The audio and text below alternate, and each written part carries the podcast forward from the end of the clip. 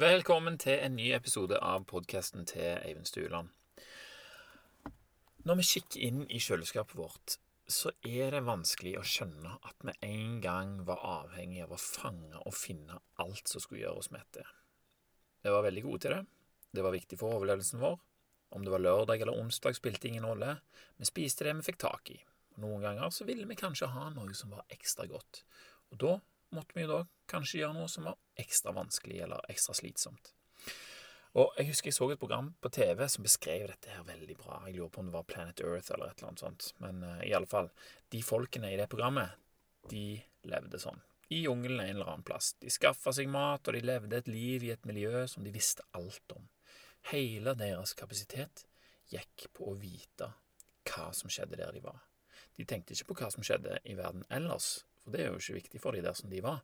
De kjenner muligens på, på noen av konsekvensene etter hvert av det som skjer ellers i verden, men de blir ikke forsøkt påvirka til å handle av personer som ikke finnes der. De påvirkes kun av hverandre og omgivelsene sine. Så kona til han ene ytra at det var lenge siden de hadde hatt honning nå, og var sugen på noe søtt. De vet hvordan de kan finne honning. Både mannen og kona og alle de andre som var der, visste hvordan de kunne gjøre det. Og de kunne sikkert hatt honning ofte òg, men de hadde ikke honning så ofte.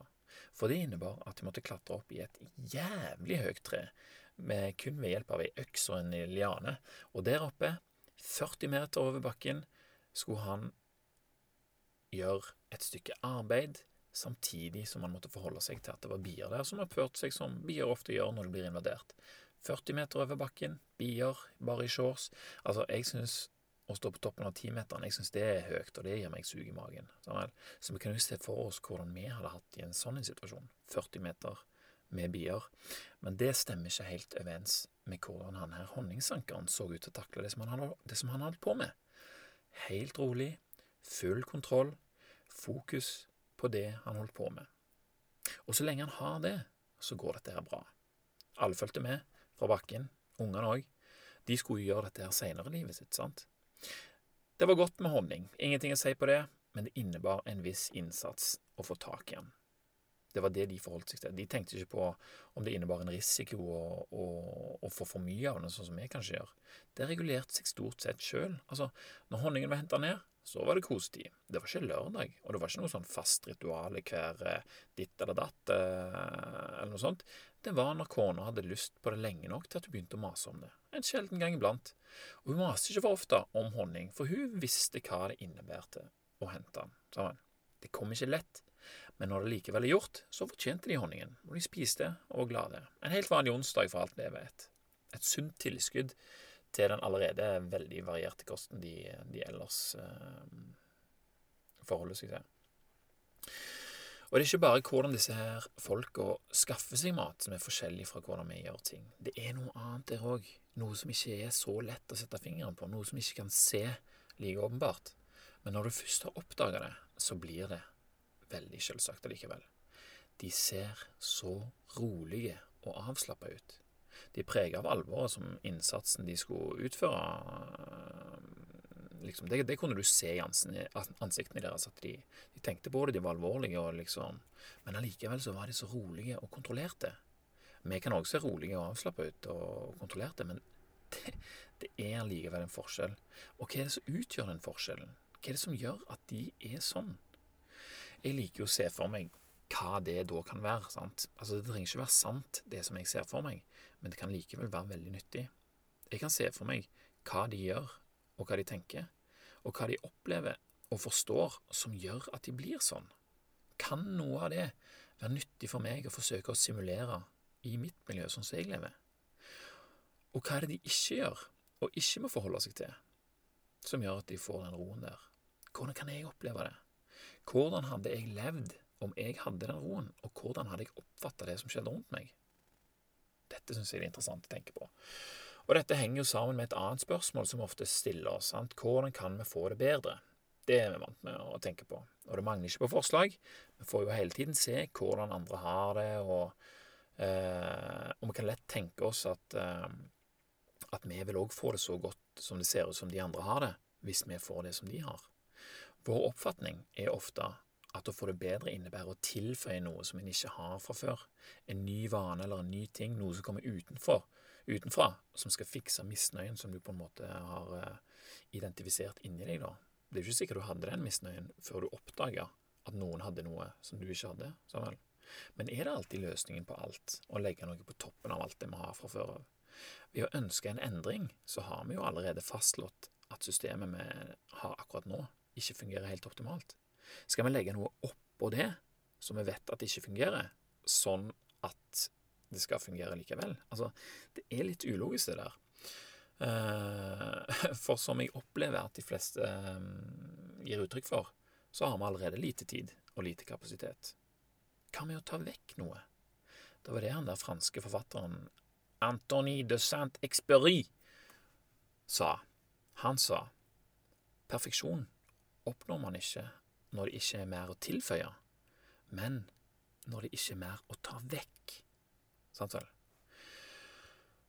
Og disse folkene her, på jakt etter honning, de hadde virkelig ikke så veldig mye de kunne ta bort. Og det så, og det så ut til at de hadde veldig god kontroll på flere områder som jeg sjøl kan tenke meg å få bedre kontroll på. Sant? Altså, de havner i den tilstanden som de er i, bare ved å leve der de lever. Miljøet krever det av dem, og de krever det av seg sjøl for å overleve der. Som de fleste dyrearter som ikke befinner seg i evolusjonær mismatch, så er det altså her samsvar mellom egenskapene deres og miljøet de lever i. Oppfatningen til denne mannen, som befinner seg høyt oppe i et tre, gir signaler til kroppen og cellene hans. Sant? Han er rolig. Det er ikke noe behov for å aktivere noe stresssignal her. Det er vanskelig og krevende, ja, men det er bare en potensiell fare for å falle ned. Å tenke på å falle ned, det ville jo aktivert en stressrespons i, i en eller annen grad. Sant? Ingen er jo tjent med det. Her er vi jo tjent med å ha blodet i hodet der det skal være. Best å befinne seg i homostasis, konsentrasjon og fokus på oppgaven det er å foretrekke framfor det som vi får når vi begynner å bli stressa, ryggmargsrefleks. Og så begynner vi å lete etter ting som kan gå galt. Vi tenker mye på hva som kan gå galt, sånn som vi lever nå. Sant? På med refleks! Det er bare én ting som vi ikke tenker på, men som vi allikevel tenker på. Altså, da mener jeg at vi tenker veldig lite over hva det betyr. Det er vanskelig for oss i vårt miljø å opp oppleve denne her kontinuerlige tilstanden av homeostasis, der vi har kontroll og fokus gjennom en hel dag. Det var ingen elektroniske hjelpemiddel som kunne forstyrre han honningsankeren oppi det treet, bortsett fra de kamerafolkene, selvfølgelig. Men om noe skulle komme til å fange oppmerksomheten hans, noe som ikke hadde med oppgaven han holdt på med å gjøre, da ville jo fokuset hans bevege seg bort fra det han holdt på med. Er han tjent med det? Hva om han mens han balanserte på en av grenene der oppe, 40 meter over bakken, hadde fått et tilbud om tilgang til et annet tre med honning som var lavere, og som ikke hadde bier i seg. Vi mennesker vi liker jo det som er lett, og det som har lav risiko. Det som, ser ut, det som vi ser for oss at vi kan få for liten innsats, og som gjør at vi kan sitte igjen med mer etterpå. Vi er økonomer. Vi begynner å sammenligne kost-nytte. Og om han hadde fått dette her tilbudet mens han var oppe i treet, hadde tanken vært i hodet hans. Det var han ikke før. Ville fokuset hans gå vekk fra det han holder på med? Sjansen er iallfall større i forhold til om han allerede har hørt om dette andre treet. Sammen. Tenker han på det andre treet, så er det ikke lenger samsvar mellom det han gjør, og det han tenker. Han er i ett tre og tenker på et annet. Ingenting i veien med det, om det er noe enkelt han holder på med. Sammen. Men når det faktisk er viktig å fokusere på å, å, gjøre en skikkelig jobb, så er det annerledes. Det han tenker, signaliserer kroppen, ikke hva han faktisk opplever. Vil denne tanken ha et potensial for å gjøre en uoppmerksom? Mm, kanskje. Vil det han tenker på, endre oppfattelsen til kroppen om hva som skjer? Vil han ved tankens kraft kanskje aktivere produksjon av adrenalin? Med tanken på dette her uvanlig enkle alternativet til å få tak i honning. sant? Adrenalin kan vi få både av uh, farer som opplever, men vi kan òg få adrenalin av en mulighet som vi ser som blir oppøst av. Og liksom Her har vi slått til. sant? Og hvorfor føler vi at vi må slå til? Fordi mer av beslutningene våre blir tatt ved hjelp av ryggmargsrefleksen. Det er en av oppgavene til adrenalin å sørge for at vi gjør. Og den hjelper oss å ta valg i nuet som har for oss en kortsiktig gevinst. Sant? For vi bruker ikke fornuften vår til å gjøre den handlingen. Vi bruker ryggmargsrefleksen. Det som ser mest, mest logisk ut der og da for, uh, for en kort gevinst. Så for oss så er det jo ofte sånn han eh, fyren oppi treet, han opplever ikke det, men vi opplever det hele tida. Vi holder på med noe, men vi blir avbrutt av noe som fanger oppmerksomheten vår. Vi blir interessert i det, og kanskje litt oppglødd. Det vekker ryggmargsrefleksen til liv og hjelper oss å handle. Sant? Og det er det som er hensikten til de som viser oss dette her, sant? som vi blir oppmerksomme på. Og vi er sjøl skyld i dette. Vi får tilbud om ting, og vi får se ting som vi nylig har opplyst andre om at vi er interessert i. Og disse andre de er så gode på å ta imot informasjonen som vi gir dem, at det ikke er uvanlig at vi tenker at de jukser. Og det kan jo hende det at de jukser, for all del, men det kan òg hende at vi er så glade for å kunne bruke tjenestene som vi får tilgang til, for den informasjonen som vi gir dem, at vi ikke legger så mye vekt på hva det er som gjør at det er mulig at vi kan bruke de tjenestene. Sant? Det vi tenker på, oppleves som viktig. Det vi ikke tenker på, blir ikke viktig. Det sier Daniel Kahnmann, han har skrevet den Thinking Fast and Slow. Han sier at det er sånn det fungerer. Det vi tenker på, opplever vi som viktig. Og det vil jo da si at det vi ikke tenker på, det blir ikke så viktig. Sånn er det for alle mennesker. Og disse tjenestene her, som jeg liker så godt, de hjelper oss å oppleve glede, kortsiktig glede. Og da tenker vi selvfølgelig på det, ikke på hva det er som gjør det mulig, og om det har en langsiktig kostnad for oss. Det blir mindre viktig. Enda vanskeligere er det å se for oss at vi skal ta oss tid og bruke kapasitet til å finne ut hva det faktisk koster oss å bruke disse tjenestene.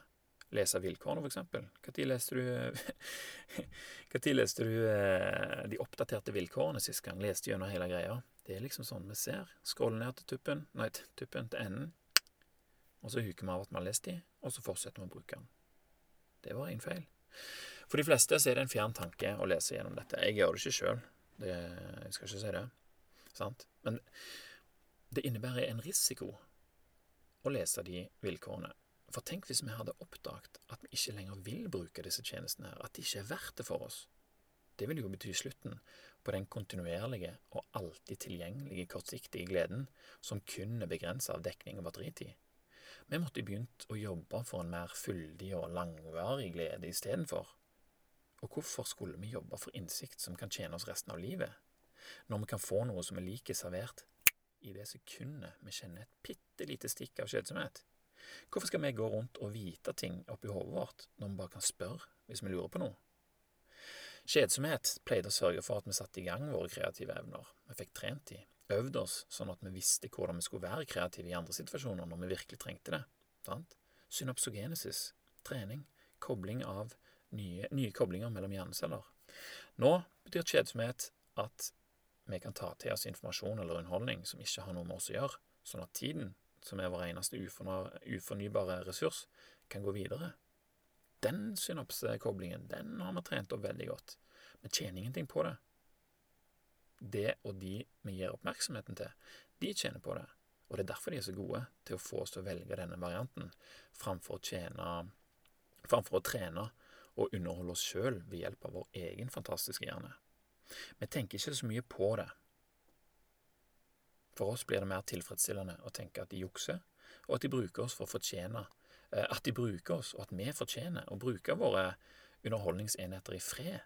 Dessuten så må vi jo ha den enheten som gjør det mulig å påvirke oss og forstyrre oss. Det er det vi tror, og det er det vi opplever. Jeg må jo ha, jeg må jo ha den. Folk kan jo prøve å få tak i meg. De aller fleste tror til og med at de må ha den med standardinnstillingene som følger med. Det er smartenheten på sin smarteste innstilling. Den som best sørger for at du sjøl ikke trenger å være smart, eller at du får tid og kapasitet til å bli det. Sammen. Den sluker kapasiteten og tiden din med å vise deg ting hele veien som gjør at det, ja, du får ikke tid til å være kreativ for deg sjøl, sitte og tenke på samme måten. Det er iallfall mye vanskeligere. Det tror jeg vi kan være enige om.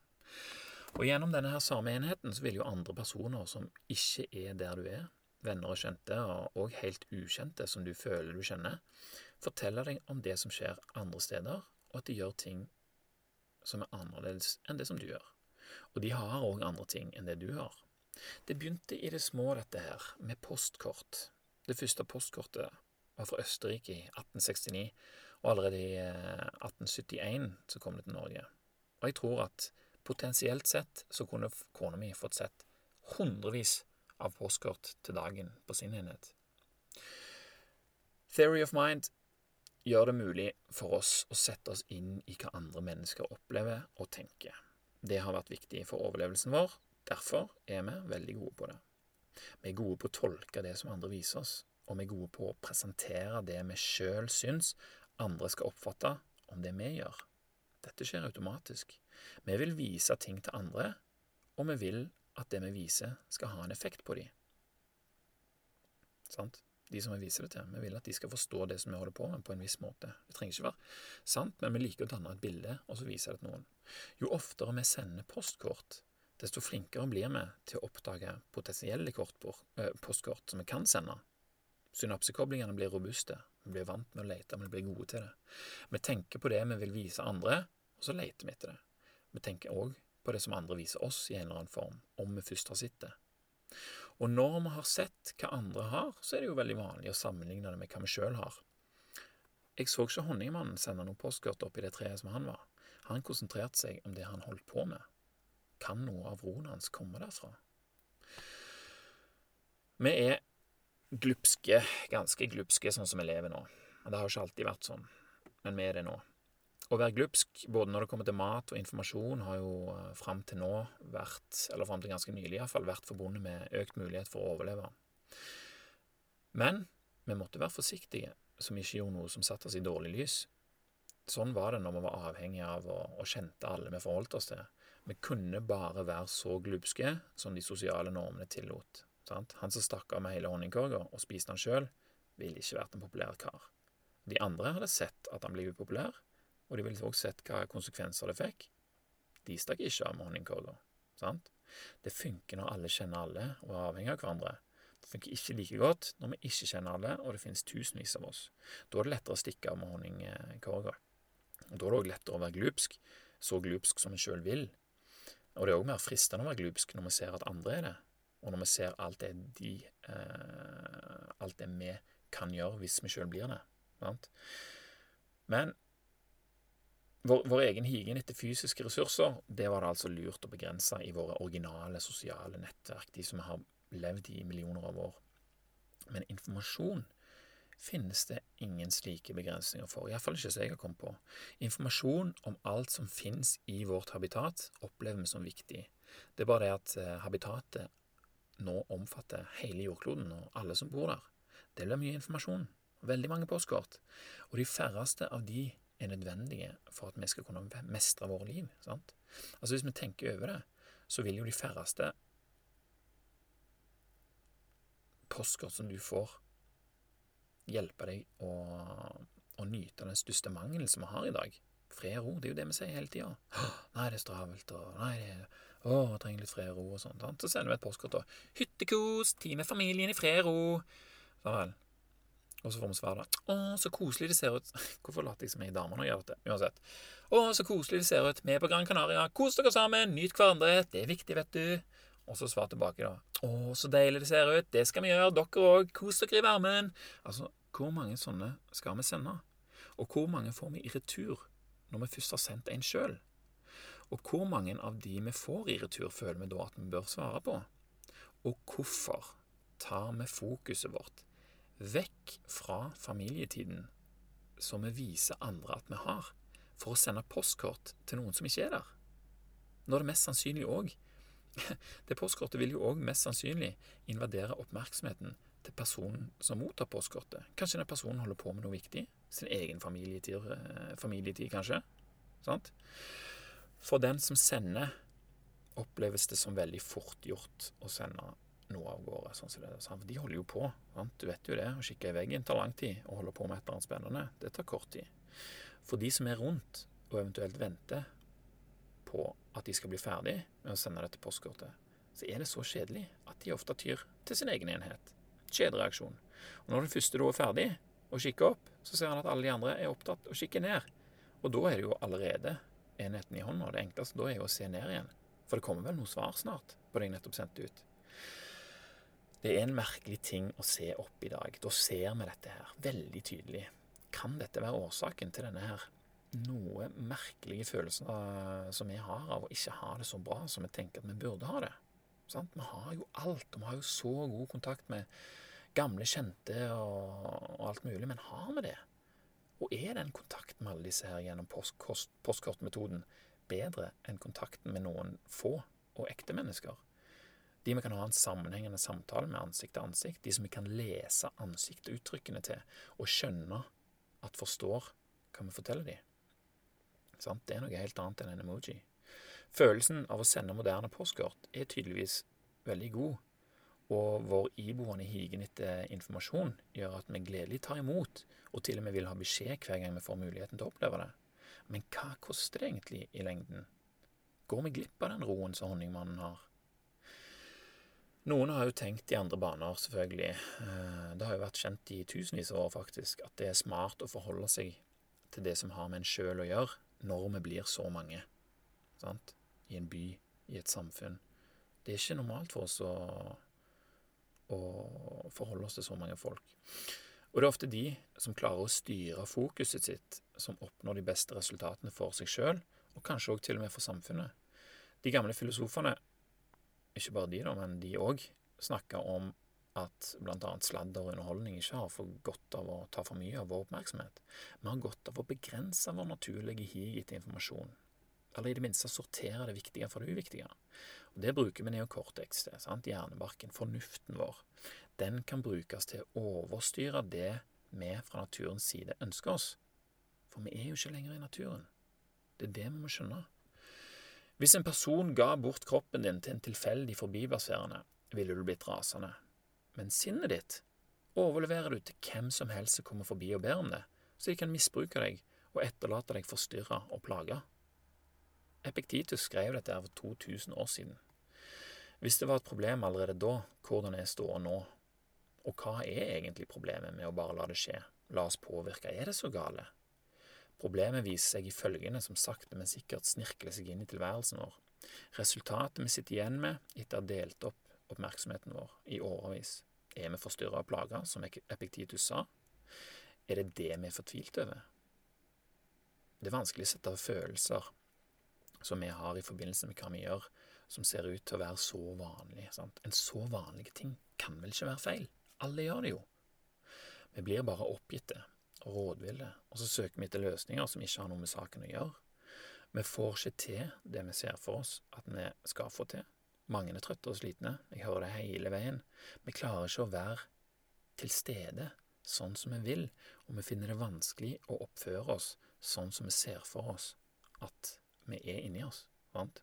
Vår personlighet. Vi har et bilde på hvordan vi er. Det blir vanskelig å oppføre seg sånn. Vanene våre har blitt til litt etter hvert Litt og litt etter hvert som framgang i komfort og teknologi hånd i hånd har fôra våre glupske hjerner med tanken om at vi nå kommer til å nå målet på en enklere måte. Dette her har kun blitt presentert for oss. Det er oss sjøl som har omfavnet det, og som etter hvert nå finner ut at eh, det vi har omfavna, kanskje har fortrengt andre ting som vi ikke trodde var så viktige. Ops. En liten pause tar jeg meg nå før jeg fortsetter videre i neste episode. Og I mellomtiden så kan du tenke på dette sitatet fra Mark Twain. When we find ourselves on the side of the majority, we should pause and reflect, because it means we might be going along with the mob. We might have turned off our mind. We might be muting our true colors. Mm. Snakkes snart.